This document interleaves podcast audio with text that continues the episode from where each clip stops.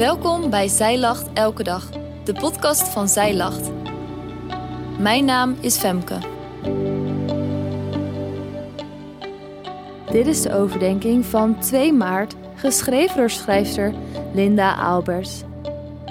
Heerlijk vind ik het om een wandeling te maken en lekker buiten te zijn. Ik hoor mijn voetstappen op de grond, de vogels in de lucht en de wind in de bomen. Ik zie het groene gras en de blauwe lucht. Het maakt me rustig. Hoe is het voor jou? Wandel je graag alleen of liever samen? In de Bijbel lezen we over mensen die wandelen met God. Dat klinkt fantastisch. Hoe zou het eraan toe zijn gegaan? Adam was de allereerste mens. We kunnen aan Adam zien hoe God de mensen en zijn relatie met ons bedoeld heeft. Zo lezen we in Genesis 2 dat God met Adam sprak over het paradijs en hem de opdracht gaf om de hof te onderhouden en de dieren hun naam te geven. Hij gaf hen de verantwoordelijkheid voor zijn schepping. Hij vertrouwde hem dit toe. Uit dit alles blijkt dat God sprak met Adam en naar hem luisterde. God wandelde door de paradijs. Hij was bij Adam en Eva. Ik kan me voorstellen dat ze samen door het paradijs liepen en genoten van de wonderlijke schoonheid van de door God geschapen natuur. In Genesis 3, vers 8 staat: En zij hoorden de stem van de Heere God, die in de hof wandelde, bij de wind in de namiddag. Aan het paradijs kwam een einde toen een mens ervoor koos om zelfcontrole te willen hebben over het leven. Als straf mocht ze niet meer in het paradijs wonen. De mooie relatie tussen de mensen en God veranderde door schaamte en afstand. Gelukkig lezen we in het Oude Testament dat dit niet het einde is van Gods relatie met mensen. God blijft mensen opzoeken. Ze wandelen niet met God zoals Adam dat deed, maar ze hadden wel een relatie met God. Zo spraken Abraham, Isaac en Jacob met God over zijn belofte aan hen over een groot volk. Bij de brandende braamstruik kreeg Mozes van God de opdracht om zijn volk vanuit Egypte naar Canaan te brengen, en als kind hoorde Samuel God s'nachts tot hem spreken.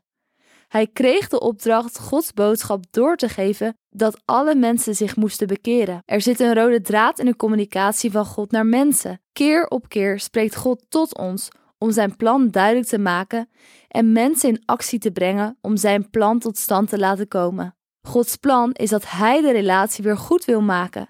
God wil met ons wandelen. Er was iemand nodig die de relatie weer goed kon maken tussen God en ons. Hiervoor stuurde Hij zijn enige zoon Jezus naar de wereld. Hij kon de gebrokene band weer herstellen. Toen Jezus op aarde was, reisde hij veel om overal zijn koninkrijk te verkondigen. Zijn vrienden, de discipelen, wandelden met hem. En al wandelde, vertelde hij hen over zijn vader en zijn koninkrijk. De discipelen luisteren naar hem en stellen hem vragen. Jezus luistert en antwoordt. Ze hebben een vriendschappelijke relatie. Jezus zegt dat hij en de Vader één zijn.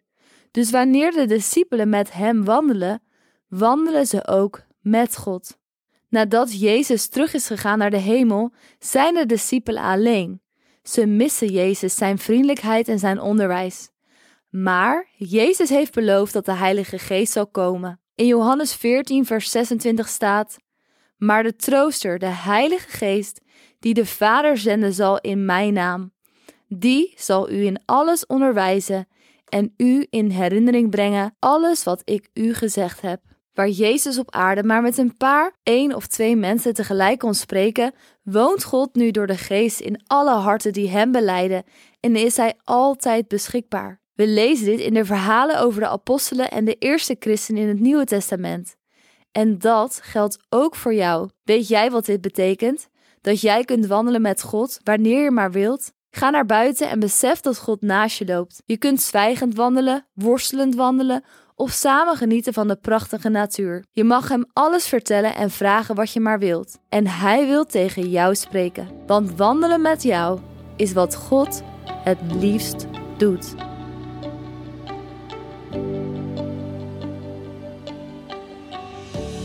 Dankjewel dat jij hebt geluisterd naar de overdenking van vandaag. Wil je de overdenking nalezen? Check dan onze website je vindt er ook meer toffe dingen die jou helpen om de Bijbel vaker te openen, zoals boeken, Bijbels, cursussen en evenementen. Morgen ben ik weer bij je terug met een nieuwe overdenking. Tot dan!